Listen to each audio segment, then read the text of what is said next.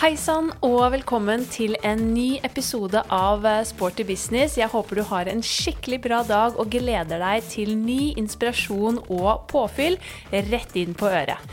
Jeg heter Ea Katrine Thomsen og driver Inspartum Akademi, som står bak denne podkasten. Podden for verdens beste bransje, nemlig treningssenterbransjen. Og det er så flott at vi endelig er inne i en normal hverdag igjen, og at bransjen vår virkelig begynner å våkne til liv etter det som føles ut som to lange år i nesten sånn dvalemodus. Denne våren så har også Virke aktiv helse satt i gang et skikkelig krafttak for bransjen vår, og arrangerer en egen konferanseturné kalt Fremtidens treningssenter post pandemi. Hvordan gjenreiser vi folkehelsen på en bærekraftig måte? Virke aktiv helse har samlet bransjeaktører med spesialkompetanse innenfor relevante fagområder for å spre kunnskap, være en sparringspartner og gi inspirasjon til treningssenteret denne våren, og hjelpe dem tilbake etter to vanskelige år. Og I tillegg så ønsker vi å hjelpe sentrene med å legge et godt grunnlag for bærekraftig drift fremover. Og jeg har da altså gleden av å være en del av denne turneen, og det gleder jeg meg utrolig mye til. Eh, og jeg skal jo selvfølgelig da snakke om min spisskompetanse og store lidenskap, nemlig gruppetrening. Vi møter deg der du er, og besøker både Tromsø, Trondheim, Bergen og Gardermoen.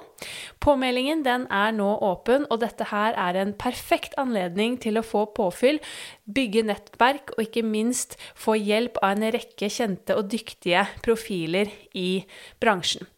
I tillegg til at eh, jeg skal snakke om eh, gruppetrening, så vil du også møte Kristoffer Loftheim fra Antidoping Norge, Mats Sørland i Credicare, Kolbjørn Rydvang, daglig leder for eh, Idrettssenteret AS, Mieline Eriksson, bransjedirektør i Virke aktiv helse, kommer selvsagt også. I tillegg møter du Anne Sigrid Stiklestad Christoffersen, gründer av Sprek trening, og også styremedlem i Virke aktiv helse, og en aktiv bidragsyter i bransjestandarden og utarbeidelsen av den, og ikke minst dette med sertifisering både på nasjonalt og europeisk nivå.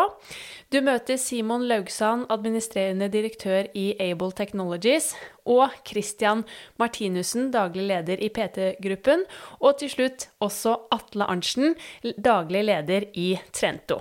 Så en fantastisk gjeng har jeg gleden av å reise på turné med denne våren. Så gå inn på virke-treningssenter.no for mer informasjon og påmelding. Og sistnevnte på denne turneen, Atle Arntzen, han er også mannen som du møter i dagens episode av Sporty business. Atle han har lang fartstid fra treningsbransjen, og i dagens episode så setter vi fokus på ledelse og ledelsesutvikling i treningsbransjen. Vi snakker om hvordan man skal lykkes på best mulig måte på, som leder på et senter. Hvordan man skal bygge god kultur, bygge teamfølelse. Hvordan man skal ta lederrollen både som PT og instruktør. Og selvfølgelig så deler vi også erfaringer og tanker og snakker løst og fast om bransjen som vi begge er så utrolig glad i. Hjertelig velkommen til Sporty business podkast, Atle. Veldig hyggelig å få lov til å ha med deg i dagens episode. Tusen hjertelig takk. Veldig hyggelig å være her. Det har jeg gledet meg til, og vi skal jo dypdykke ned i noe som jeg vet at uh, du virkelig brenner for og interesserer deg for, nemlig ledelse og ledelsesutvikling i treningsbransjen, og ikke minst ja, profesjonalisering, kompetanseheving innenfor bransjen. Så det gleder jeg meg veldig til. Men det er alltid hyggelig introduksjonsmessig å få en liten sånn uh, introduksjon av dagens gjest. Så har du ikke lyst til å fortelle litt om hvem uh, du er? Jo, eh, det kan jeg gjøre. Eh, Atle heter altså jeg. Jeg eh, er blitt 46 år og har et barn på 12 år, gift med Hege, som har vært instruktør i, og senterleder i bransjen i mange, mange år. Eh, nesten like lenge som meg. Altså, jeg begynte jo i bransjen 1997, da. Eh, og er jo en sånn god gammel dinosaur kanskje i, i bransjen. Men eh, er jo fremdeles i bransjen av en grunn. Det er fordi jeg elsker eh, denne bransjen. Og det er veldig mye som, som skjer, og veldig mye spennende som kommer til å, å skje framover. Det er jeg helt sikker på. Eh, jeg har jobba stort sett hele veien i først Sats i ti år, og så Elixia i syv år, og så Sats Elixia. Da ble det fusjon i 2014, og møtte gamle kjente igjen. Og etter hvert så heter jo selskapet bare Sats, og jobbet der til ja, ca. to år siden er det nå. og hovedsakelig har jeg jobbet med personlig trening og utviklingen av det i disse selskapene. Mm. Så hadde jeg eh, en liten eh, pause, eller karantene heter det vel. Eh, ikke koronarelatert, men eh, sånn er det når man skal gå fra, fra en aktør til, noe annet. Så, så, så, får man gjerne en karantene. Og eh, fra oktober eh, i forfjor, blir det vel, så begynte jeg å jobbe som konsulent. og hadde egentlig sett for meg at det skal jeg gjøre en, god stund. og Eh, jobbe med forskjellige kunder og, og, kose meg med det og prøve å, bidra med, med, det jeg kan. Og så endte det veldig fort eh, med at jeg engasjerte meg fulltid, da riktignok som konsulent, men et fulltidsengasjement hos Sterk helse og trening på, på Løren og, og Hasle her i Oslo. Og uh, jobbet uh, sammen med de i hele 2021. Hvor jeg jobbet med både persontrening, men også mer mot bedrifter og medlemskap og alt det som gjerne drar penger inn i kassa da, ikke sant, på et eh, treningssenter. Mm. Og så um, underveis da, i løpet av dette 2021-året så startet jeg også et par andre nye selskap og kunne endelig si ja til en del morsomme initiativ som jeg aldri hadde kunnet før når jeg var ansatt. Eh, så det var jo befriende. Og plutselig så trengte jeg ikke å spørre noen, jeg kunne bare ordne det. Eller si ja eller nei selv. Så det, det, var gøy. Så da har jeg mm, bl.a. Uh, kommet i kontakt med eieren av Trento, som heter eh, Stig Nyengen, som for en god del måneder siden begynte å, å prate med meg om det å ta over Trento som, som daglig leder. For han har store planer om å om å vokse uh, kjeden sin. Uh, og det syns jeg hørtes utrolig spennende ut. Uh, og derfor har jeg også utviklet meg enda mer i forhold til mine ting i bransjen. Og da um, takket jeg ja til det nå da fra januar 2022. Ja, Så nå sitter du her med Trento på brystet? Nå sitter jeg her med Trento på brystet. Eh, det er liksom rart å bytte klær og, og, og så videre, og plutselig så skal man stå for det si, både den og den og den. Men eh, det er jo sånn det er, da. Man, man mm. skifter jobb, og da gjør man jo det fordi at uh, man er overbevist om at dette her er et, et, bra sted å være. Med gode verdier og en, en, en kultur og en en tanke om hvor vi skal hen eh, de neste månedene og årene. Så som, så som eh, jeg da liker veldig godt, da, og derfor så, så, endte jeg opp med å takke ja til det. Mm, spennende. Men uh, hvordan endte du opp i treningsbransjen egentlig? Var det planen, eller var det tilfeldig? du, det var Nei, det var tilfeldig. jeg studerte på idrettshøyskolen og tenkte at Og dette var jo i 19 19 eh, Når var dette? 94 til 97, eh, var det vel? Mm. det ble lenge siden. Uh, og, og, og, da begynte jo Sats da, å, å etablere seg. Og, og, så tenkte jeg at men det, det passer vel meg å jobbe på et sånt sted når jeg går på idrettshøyskolen. Mm. Og jeg begynte jo på idrettshøyskolen fordi at jeg likte å trene. Ante ikke hva jeg skulle utdanne meg til. Men jeg var jo aktiv tennisspiller, og det var det som gjaldt. og ja vel, kanskje gå på idrettsskolen, for da får jeg trent uh, mer. Uh, det var kjempegøy. Uh, så jeg ante ikke helt hvorfor jeg begynte der, egentlig. Jeg ville bare trene litt. ha det gøy. Og så ramlet jeg da inn på, på Sats Ila og fikk jobb der for at jeg hadde lyst til å få litt mer penger og drikke øl og spise kebab for eh, på, på torsdags studentkrone. Uten å gå i økonomisk ruin etter å ta to øl på byen. Ja, ja. Så, så, det var liksom der det begynte. da, Og, og så egentlig bare balla det på seg. Jobba som resepsjonist. og Uh, plutselig så begynte jeg med å ha sykkeltimer. Det, jeg trodde alltid jeg skulle gå inn i en gruppetreningssal, men Jeg husker at jeg sto i resepsjonen en dag, eh, og sjefen min kom bort til meg og gir meg en kassett i Ja. hånda som het Thriller. Det husker jeg. Og da eh, fikk jeg beskjed om at om ti minutter så, så starter en time. Den skal du ha. Ja. For at instruktøren er syk. Og den er full, og så her er det god stemning, så kjør på. Og så sier jeg ja, men hva skal jeg gjøre?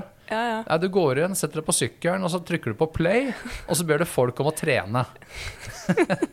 ja, ok. Nei, men det, det kan jeg jo det kan jeg prøve på, da. Så det, det var eh, sånn som jeg da begynte i treningsbransjen, og eh, også med, med sykkel og gruppetrening etter hvert. ja. Um, så, så ja, det var litt sånn tilfeldig, men så bare balla det på seg. Og så ble jeg plutselig sykkelansvarlig på Satsila etter en stund, for jeg interesserte meg veldig for det. Jeg syntes det var kjempegøy. Og så var det etter hvert også mer over på ansvar for individuell trening og treningsveiledning og disse tingene her som vi holdt på med før. Og så etter hvert begynte jeg som persontrener eh, selv og fikk eh, mer ansvar for det på flere satssentre. Og så ja, balla det litt på seg det helt uh, uh, fram til jeg ga meg for et par år siden. Ja. Men du nevnte jo også at du er i denne bransjen og har vært i denne bransjen så lenge fordi du elsker treningsbransjen. Og jeg må jo også spørre deg, hva er det du vil si er det aller beste med denne bransjen?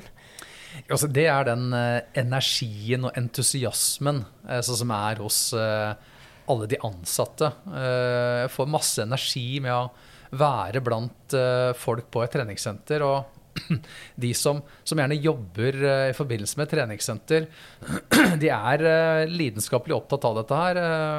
og, og det er noe som, som jeg syns er utrolig forfriskende og, og, og deilig. Og, si, Hold meg ung, hvis det er lov å si det. Selv om jeg ikke føler meg så gammel. Men det er noe med den, den energien som, så, så, som det gir meg.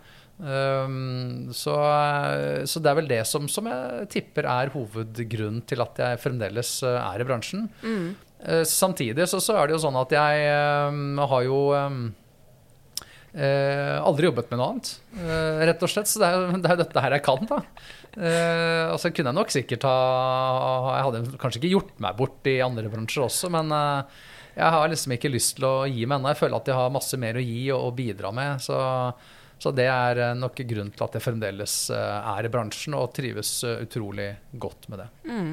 Og jeg vet jo det at du har blitt mer og mer interessert i dette med ledelse, utviklet deg selv også innen det. Og som du har nevnt, så har du jo jobbet i treningsbransjen nå i mange, mange år og vært innom ulike lederroller. Og senest i fjor høst på treningskonferansen til Virke, så hadde du et innlegg sammen med Kristin von Streng hvor dere snakket om ledelsesutvikling i treningsbransjen. Eh, Kan du ikke liksom fortelle litt om dette, kanskje litt fra det måte innlegget dere hadde der, og hvordan du ser på liksom ledelsesutvikling i bransjen? Hvor har vi et potensial der, og hvor ligger det? Ja, altså eh, Kristin og jeg skulle jo prate om, om ledelse med, med bransjen. Og, og det er klart at jeg eh, har ikke noe formell lederutdanning. Altså jeg har gått uh, x antall år på, på høyskole og universitet, men ikke noe spesifikt innen ledelse. Men det har vært mer idrett og trening, og, og så har jeg også en allmennlærerutdanning fra, fra Høgskolen i Oslo.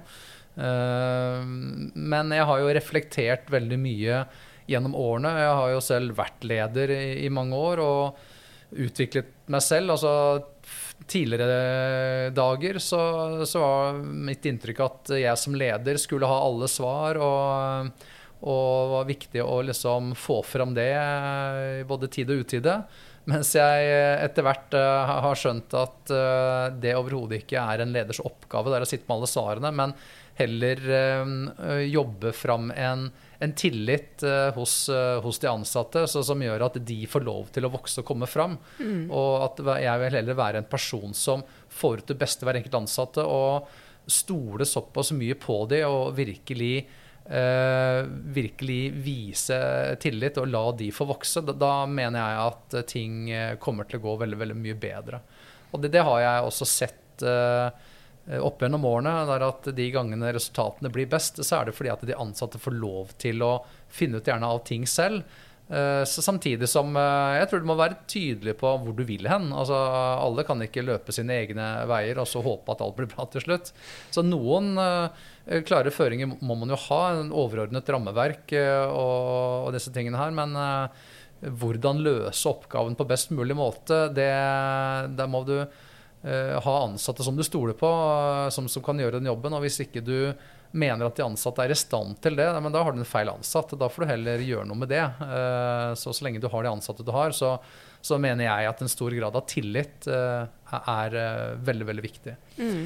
Så det var det vi eh, sa noe om eh, på, på Virkekonferansen. Og eh, jeg har, eh, som du har vært inne på, utviklet meg selv eh, opp gjennom årene innafor dette her. Syns det er kjempespennende. Og det er eh, Jeg leser ganske eh, jeg er ivrig når det kommer til å lese artikler om lederskap osv. Og, så og, og litt sånt noe. Og jeg prøver å legge merke til eh, hva som de ulike personene sier Mm. når det gjelder lederskap. Og reflekterer over det og prøver å bli bevisst min egen lederrolle. Hvordan jeg virker på andre mennesker. Mm.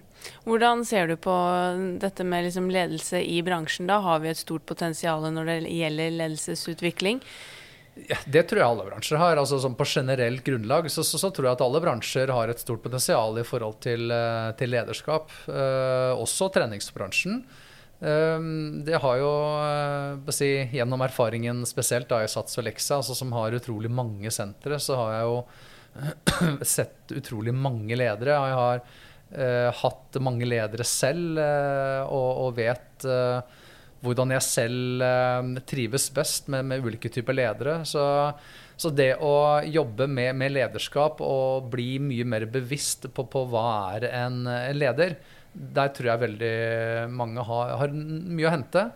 Ikke nødvendigvis fordi at man er dårlige ledere, men jeg tror at bare det å bli bevisst på hva man egentlig driver med, og når man gjør ulike ting, altså er det en del av en plan, eller er det noe du, du gjør fordi at du tror og håper at dette er smart å gjøre, og sånn som det kanskje er, men bevissthet rundt, eh, rundt lederskap, der, eh, der har jeg i hvert fall selv jobbet eh, mye, og jeg tror at det kan være nyttig for mange. Mm, absolutt. Men hvordan vil du selv definere ledelse, da?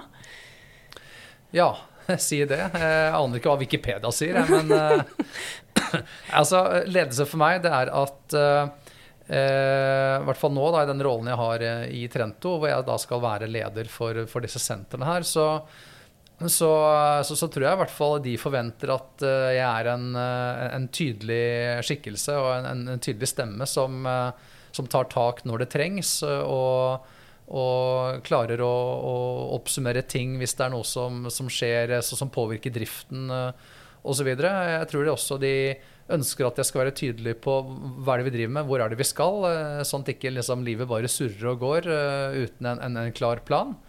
Eh, det, det tror jeg. Og at eh, jeg skal være den som legger til rette for eh, at de får utviklet seg selv. Dette med kompetanse, at de, de føler at de får brukt de tingene de, de er gode på. Og at de får støtte og hjelp til de tingene som de eventuelt ikke er så gode på, så som de gjerne vil ha mer hjelp til. sånn at de, de får denne tilhørigheten som er viktig. Da, at man, man trives eh, der man er, og føler at man får, får eh, bidratt med, med det man kan. Mm. Så, så det er vel mine overordnede tanker rundt eh, akkurat det. Ja, virkelig. Men du har jo dypdykket litt sånn på egen hånd ned i mye forskning knyttet til ledelse, vet jeg, og lest mye. Eh, sånn, har du litt tanker, eller vet du liksom hva som rører seg per nå? Altså, hva er det man ser som liksom er foretrukket lederskap eh, eh, blant ansatte, med tanke på liksom Man skiller jo ofte mellom transformasjonsledelse, transaksjonsledelse og denne laissez-faire, eller sånn la det skure-ledelse. Eh, Stikke huet i sanda og håpe at det går bra-ledelse. ja, nettopp. Hva er det folk eh, verdsetter? Altså, i hvert fall i den eh, vestlige verden, da, vår kultur, så, så er det mm, så ser jeg i hvert fall en helt klar uh, trend mot uh, dette med at folk får selvbestemmelsesrett. Mm. vi har en motivasjonsteori som heter selvbestemmelsesteorien, som baserer seg på tre grunnleggende behov vi mennesker har, som er kompetanse, autonomi og tilhørighet. Så veldig mye av det jeg har lest og, og fanget opp, da, det handler om å stimulere de tre elementene der, sånn at folk får en stor grad av indre motivasjon for å kunne utføre en jobb. Eh, Jeg trodde jo lenge at eh, bonusmodeller og, og ulike belønningssystemer var eh, helt avgjørende for å lykkes. Selv kunne jeg bli innimellom veldig motivert av det, men du får en veldig spesiell type for motivasjon. Og for folk som, som ønsker å virkelig gjøre en god jobb, så, så er ikke sånne ting viktige i det hele tatt, tror jeg.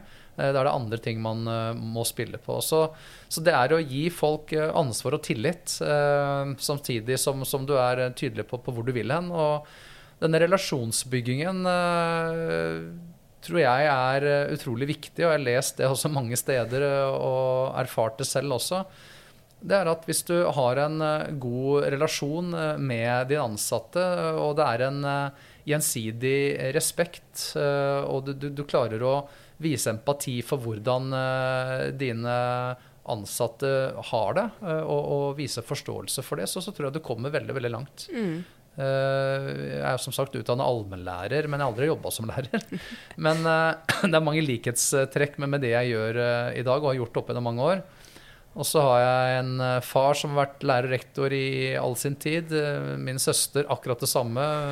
Mor har jobbet som, som lærer før hun ble pensjonist. Så vi diskuterer uh, ulike ting, da, og det er veldig mye vi har til felles i forhold til uh, hvordan være en god lærer for uh, elevene sine, eller hvordan være en god leder for de ansatte. Altså, det er veldig mange fellesnevnere som, som er der, og, og relasjonsbygging og og forståelse og empati er eh, viktige eh, elementer. Mm, absolutt.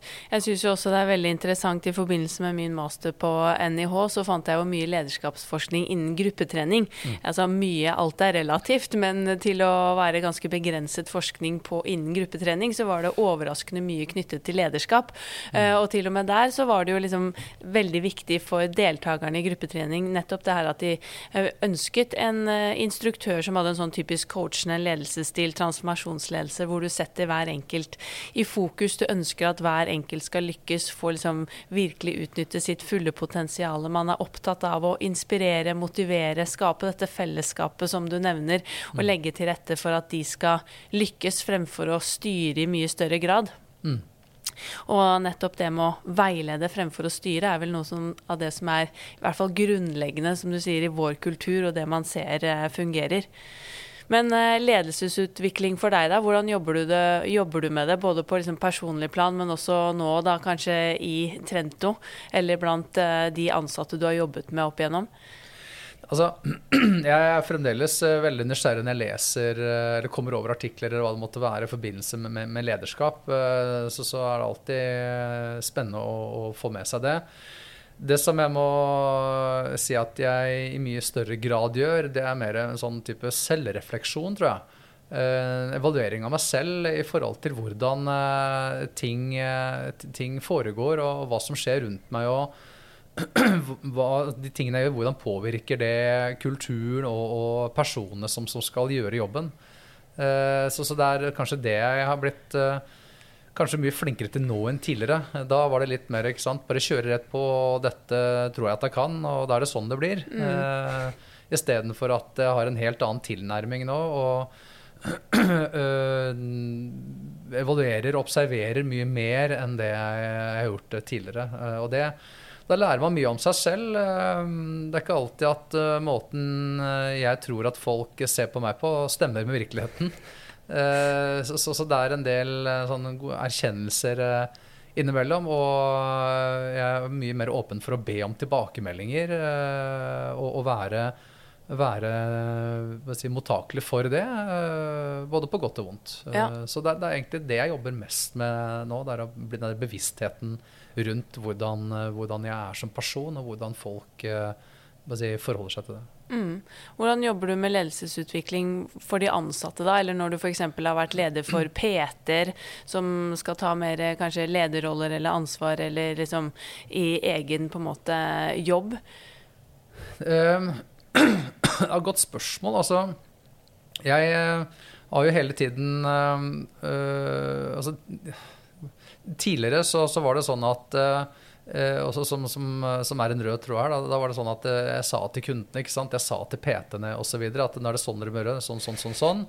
Mens eh, jeg i de, de, senere årene har vært mye mer opptatt av å heller eh, sette seg godt inn i en person. Altså lytting, eh, bli bevisst på, på tonefall og kroppsspråk og, og finne disse gode, åpne spørsmålene som skal, som skal hjelpe folk videre, sånn at de selv oppdager og reflekterer og lærer eh, rundt sin egen situasjon. Mm. Eh, det er vel det som, eh, som jeg si, kort kan oppsummere har vært eh, mer det jeg har eh, jobbet med etter hvert. da. Det er nettopp disse tingene her. og jeg har jo vært veldig opptatt av å jobbe med salg eh, opp gjennom alle år og har hatt mye salgskurs og sånt. Og dette er også eh, gjenspeiler innholdet mine salgskurs. Eh, jeg ser jo ikke på, en, på oss som, som noen selger i den forstand. Eh, det er mer en, en coachende tilnærming til hele problemstillingen. Mm. Eh, som, eh, som, bunner ut i et ønske om bare å hjelpe andre mennesker. Og, og da vil det som regel være sånn at folk som innser at de trenger hjelp et eller annet vis, de syns at dette er attraktivt. Og da vil også de ønske å investere i denne type mennesker da, og få hjelp osv. Så, videre. så det er mer det som, som, har vært kanskje mitt hovedfokus uh, den siste perioden. Ja, jeg tenker jo også at det blir litt sånn som kanskje økonomi eller uh, andre typer ting. Så er det jo mange av oss i bransjen som har kommet inn i denne bransjen nettopp fordi vi liker å trene, være i bevegelse, dele den lidenskapen med andre. Og mange som da kanskje har startet treningssentre, uh, eller de har havnet i en lederrolle på et senter. Så litt på lik linje som at jeg snakket i tidligere podder med dette her med utfordringen med dette med liksom strategi, dette med å kanskje drive økonomi, alle disse administrative administrative tingene som skal på plass, har man kanskje egentlig ikke noe utdanning eller kompetanse innen som blir utfordrende. Men jeg tenker jo også det med lederskap kan jo for mange være eh, utfordrende, for det er jo et fag i seg selv. Og så kommer man kanskje rett fra idrettshøyskolen eller andre typer ting og har enorm faglig kunnskap innenfor trening, det fysiske osv. Så, videre. mm. så jeg tenker for mange i treningsbransjen så er nok også dette her med, som du sier eh, evaluere seg selv litt, jobbe med faktisk lederskapet, være veldig interessant. Har du noen gode råd til f.eks. senterledere der ute som kanskje eh, ønsker å forbedre seg innen nettopp dette? dette og så tenker jeg liksom det med å få med de ansatte, skape teamfølelse, fellesskapsfølelse på senteret. Mm. Altså det finnes jo både gode og dårlige eh, eksempler på, på, folk som har kommet fra fag. ikke sant? Det er brennende opptatt av Eh, av trening, og så starter man et gym, da. ikke sant? Det, det har vært uh, si, gjort mange ganger, det. Mm. Uh, og det er litt sånn som at ja, jeg elsker god mat og drikke. Skal jeg da starte en restaurant? Jeg er litt usikker. men uh, det, kanskje det går bra, kanskje ikke. Men mm. jeg tror at mange har nok gjort mye riktig opp gjennom årene, selv om man ikke har utdanning innen ledelse, og, og startet et, et, gym, ikke sant? og så har det gått kjempebra. Mange eksempler på det. Eh, jeg vil i hvert fall råde alle til å eh, begynne å lese seg opp litt på lederskap eh, for å bli mer bevisst på hvorfor ting er som de er, og hvorfor det går bra eller eventuelt ikke går bra. Det håper jeg at folk i kanskje større grad interesserer seg for. og, og virkelig blir nysgjerrig på, på, hvordan disse tingene her fungerer. Da, sånn at det ikke er Altså Det går på en sånn automatikk. De vet ikke helt hvorfor dette her går bra, men eh, de, de har en magefølelse på at dette er riktig å gjøre eller ikke. Mm. Uh, så jeg tror at det blir, blir mer bevisst dyktig uh, vil være veldig gunstig for, uh, for veldig mange. Mm. Har du noen spesifikke råd til spesielt unge ledere? Det er jo veldig mange unge mennesker i bransjen som kommer inn som både får uh, da en jobb som leder for gruppetrening eller leder for PT, f.eks. på et treningssenter, og som mm. føler seg litt uh, usikre. Ja, altså Vær uh, lyttende og, og, og fatt interesse for, for de som har vært med med en stund i gamet. Uh, samtidig uh, gjør du opp dine egne meninger, og ikke le på gamle sannheter, uh, som også eksisterer. Også, men, men vær, vær, ydmyk til, til oppgaven og, og rollen. samtidig stol på deg selv og din egen kompetanse, og, og vit at du har noe å bidra med. Og det er nok sannsynligvis det som er grunnen til at du har fått jobben også i, i første omgang. så, så det gjelder å, å, å ha en, en, litt sånn ydmyk tilnærming til det, og samtidig beholde en passe dose selvtillit. Og være nysgjerrig på, på å utforske og, og, og, sjekke ut litt. Grann, mm. uh, og, være tydelig med de tingene som du da står for. Ja. Absolutt. Har du selv vært borti eller opplevd eh, på en måte motstand fra de ansatte, eller at du har kommet inn i en ny lederrolle som ikke har blitt eh, tatt så godt imot, eller vet du om andre tilsvarende situasjoner? For jeg tenker at eh, omorganiseringer eller eventuelt nye lederskap, det kan jo skape også litt sånn uro i, blant de ansatte? Ja da, altså det har jeg definitivt vært borti. Det var jo ikke lett å fusjonere Sats og Lixia, eh, kan man jo mildt, eh, mildt si. Mm. Eh, og, og, da var det jo sånn at det var to vidt forskjellige kulturer i de to selskapene. det var som natt og dag. Og jeg, da kom jeg inn ikke sant, fra en Elixa-kultur som, som var litt mer litt sånn uh, hei hvor det går, for å sette det ordentlig på spissen. Det var mye planer og struktur i Elixa også, men det var litt mer at man, Altså, hva, skal jeg si da? Litt friere? Litt eller? friere, og, og, eh, det var ikke veldig viktig at uh, du hadde sånn vanvittig strenge maler f.eks. på gruppetrening, men der var det mm. litt sånn at slå deg løs og la oss skape kjempestemning, ikke sant? Mens uh, igjen da, for å sette det ordentlig på spissen, uh, satskulturen var det motsatte. Der var det knallharde og planer og og, og, det som er. ikke sant? Og, mm. og, både det ene og det andre har både positive og negative sider. Men så, så, så kom jeg inn da som eh, da nordisk eh, produktsjef for personlig trening. Eh, inn, i en, inn, i et miljø da hvor det var si, Sats der, der, var det mye konsulenter ikke sant? og analyser osv. osv. Elixia der ikke en eneste konsulent kom inn døra der. Det var jo Ståle Angel sitt uh, motto. Det var at uh, her skal det ikke inn noen konsulenter. Ståle Angel var da uh, sjefen i Elixa. Så, så, der Det ble en veldig, veldig god læring for min del. Mm. I forhold til hvordan da folk forventet at jeg skulle agere. Jeg agerte på en helt annen måte enn de forventet, og det, det, var ikke alltid like lett å forholde seg til. Nei, Men har du noen tips da? Man, for jeg tenker det er jo spesielt for unge, da, som, som, du nevnte, at man må beholde litt selvtillit. Men den selvtilliten kan jo fort bli svekket hvis du opplever at uh, de ansatte ikke har noe tillit til deg, eller at de er misfornøyd for at du fikk jobben, eller at den tidligere lederne, lederen ikke har. Altså, hvordan bygger man opp eh, den relasjonen igjen da? Mm. Ja, nei, Det skulle ønske jeg hadde et utrolig godt svar på det. Ja, ikke sant? Fordi at du, du, har helt rett i det. Eh, det er kanskje noen som ikke du var enig at du skulle ha jobben. Eh, ikke sant? Eh, han eller hun liker jeg mye bedre. Så, så, så det gjelder å, å, å altså, ja, så, Som du sier, at plutselig så kan selvtilliten bli brutt ned ganske brutalt på, på veldig kort tid. I ulike situasjoner.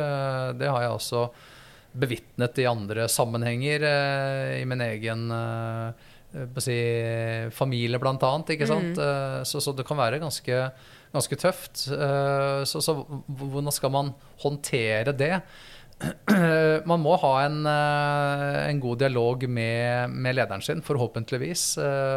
Så hvis man har en, en person man kan prate med og, og, og reflektere rundt ulike ting og diskutere, så vil det være en stor fordel.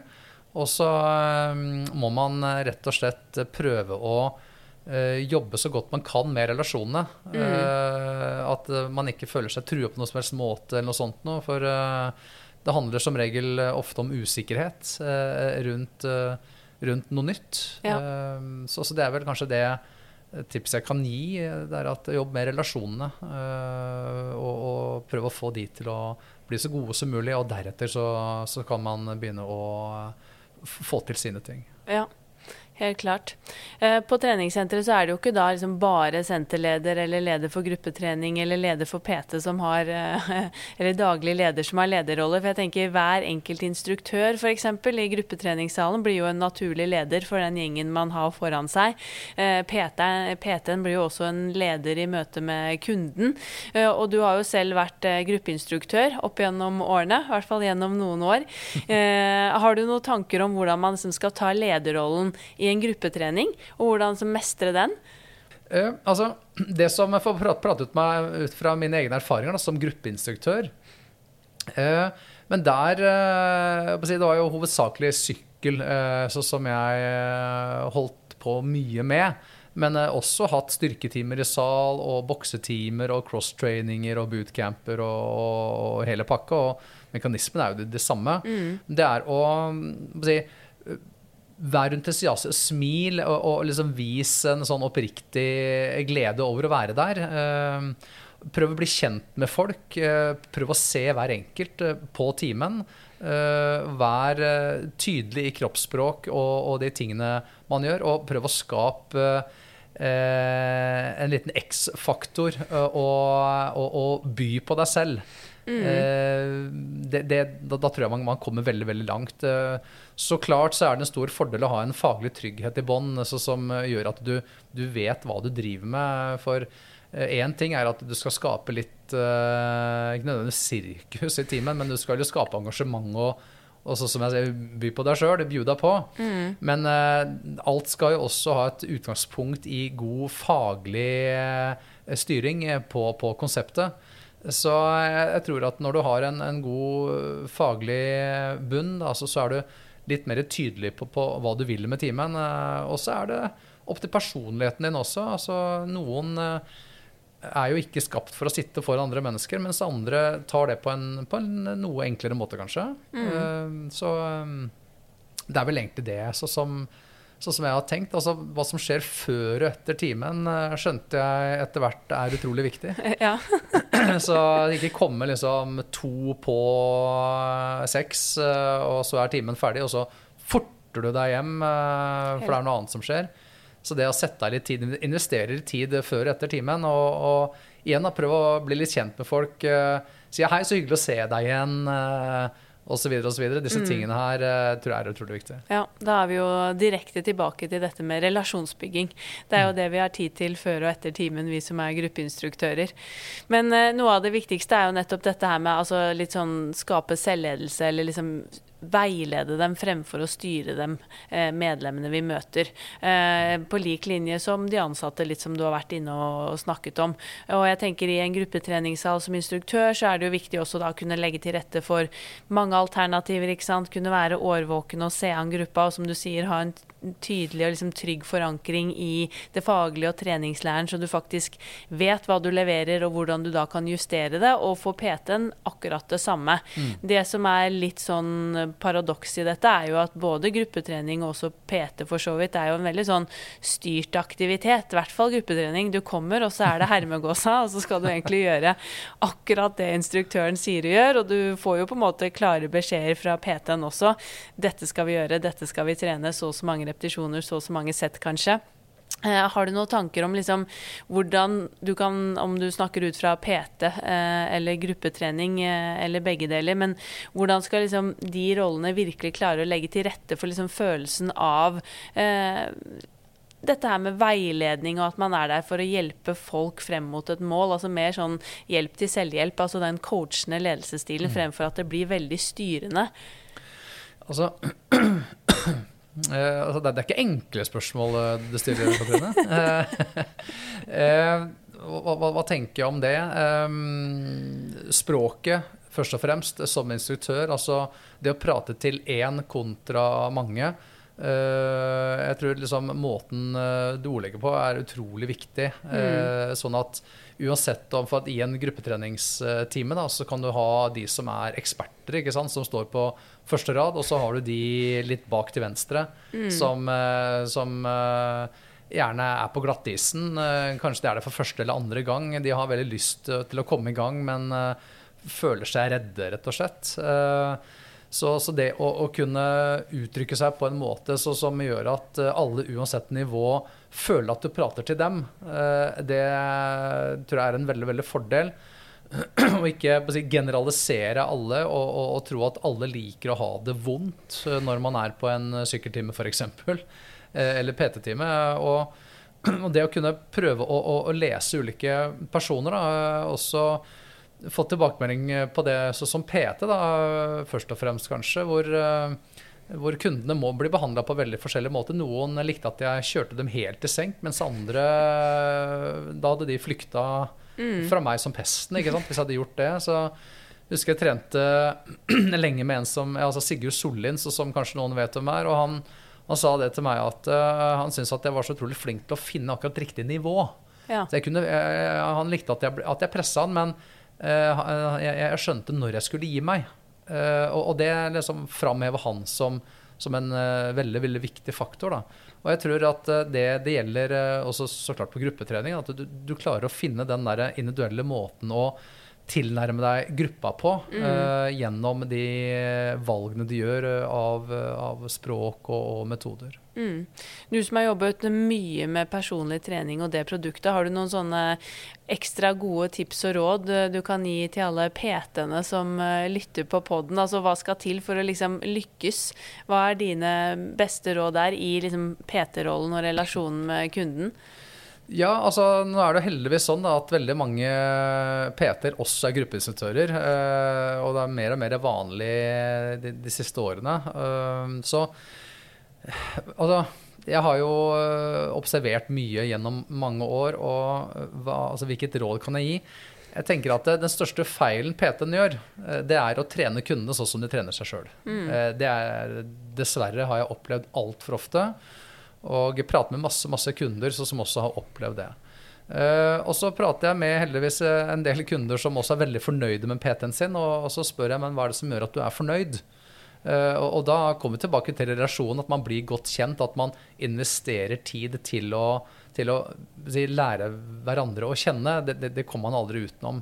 Uh, humor, ting man har til felles, og være interessert i det kunden faktisk har å si. Mm. Det, det, er det er regel nummer én. Og så vær opptatt av å lytte. Uh, ikke med deg selv som fokus, uh, men lytt til, til de, de, innspillene og de ønskene kunden har, og, og prøv å ta hensyn til det. For ja, når vi kommer rett ut fra skolen, så, så, er jo raskeste vei fra A til B det er en rett linje.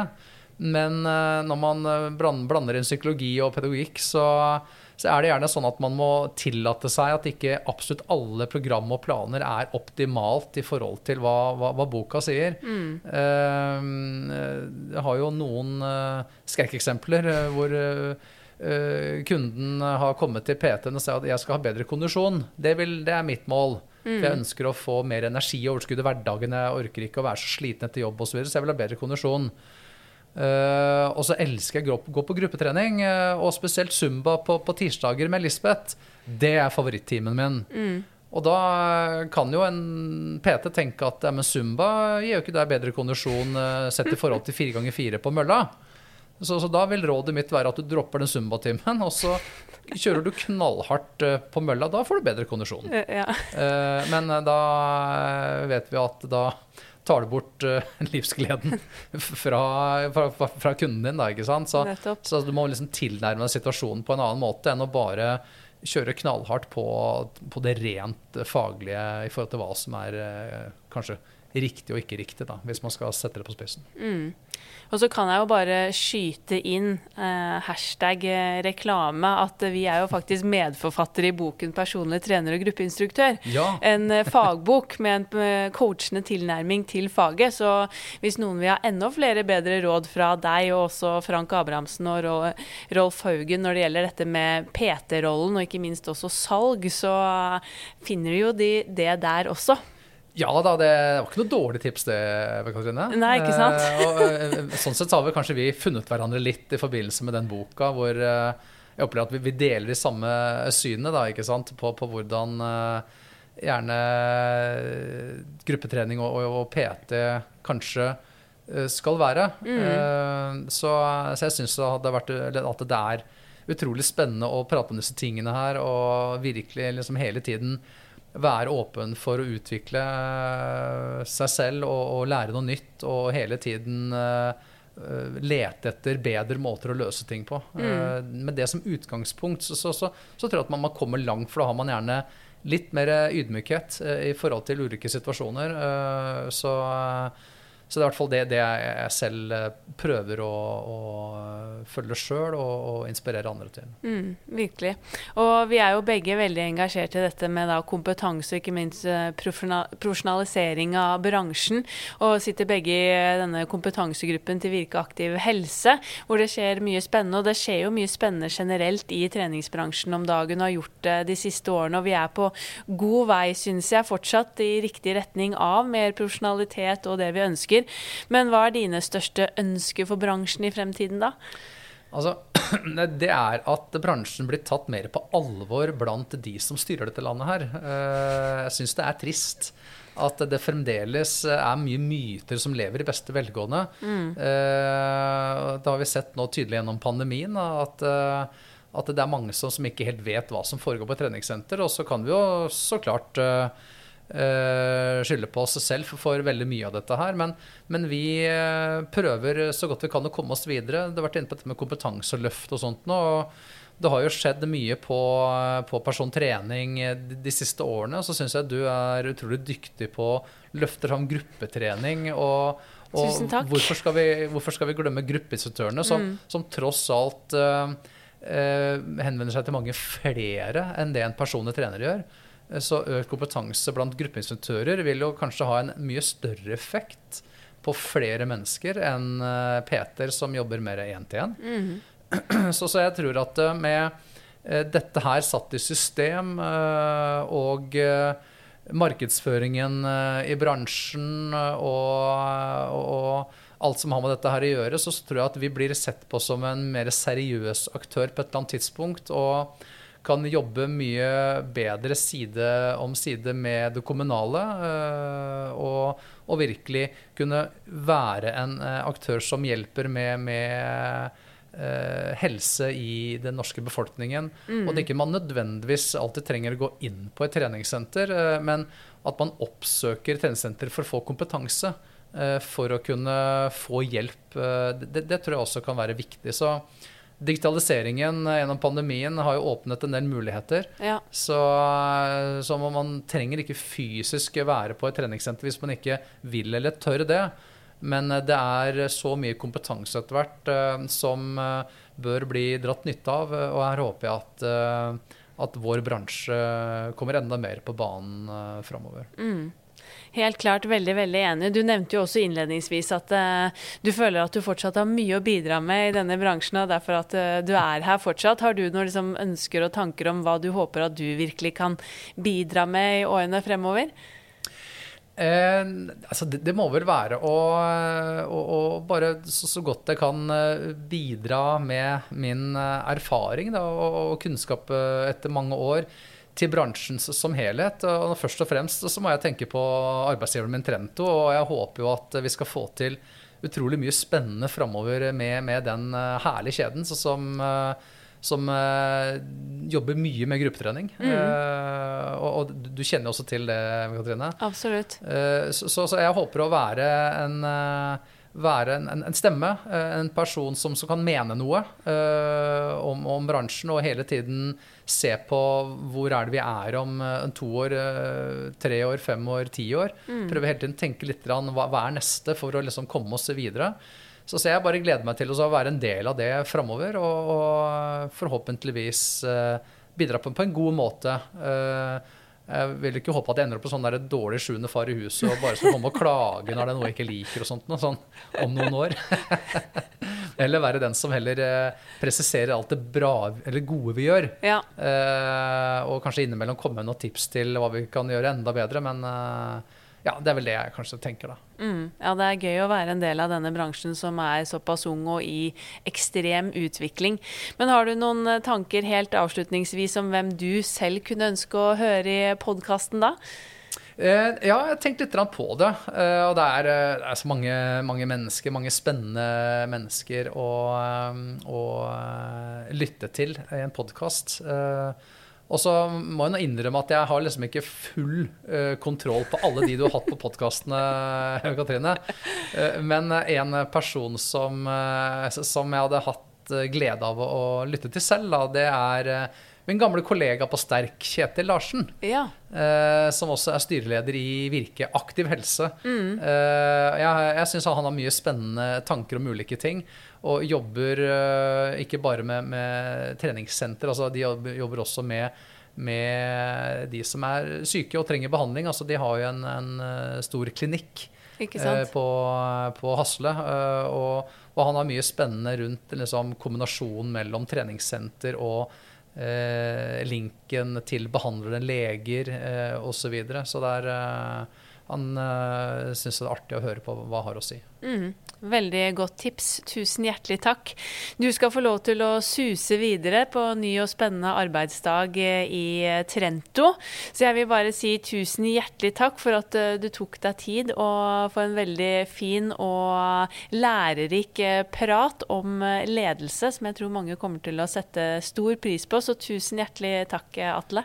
Du, takk i like måte. Gleder deg på min side. Og eh, takk til deg igjen for eh, viktig arbeid med, med gruppetrening spesielt. eh, Og en forfriskende stemme i, eh, i, i bransjen vår. Eh, Så, så, så, så jeg syns det er gøy å følge med på hva du, du gjør, Eve Katrine. Tusen hjertelig takk. Håper denne episoden ga ny giv og inspirasjon til din rolle i treningsbransjen. Følg oss i Sporty Business videre i sosiale medier, på Instagram at Sporty Business Podcast, og bli gjerne med i Facebook-gruppen vår med samme navn, Sporty Business. Og så håper jeg vi sees på de regionale samlingene i regi av Virke aktiv helse denne våren. Der har du også mulighet til å booke en egen samtale og veiledning med alle oss eh, medvirkerne i gruppen på dag nummer to av eh, konferansen, så det er også et unikt tilbud som jeg anbefaler at du eh, benytter deg av hvis du kommer og møter oss på turné. Først ut så besøker vi Tromsø allerede 28. april. Jeg gleder meg skikkelig, så les mer og meld deg på på nett virke-treningssenter.no. Og så håper jeg at vi ses. Vi poddes også igjen om to uker. Ha en sporty dag. Denne podkasten produseres av Inspartum Akademi og North Stories.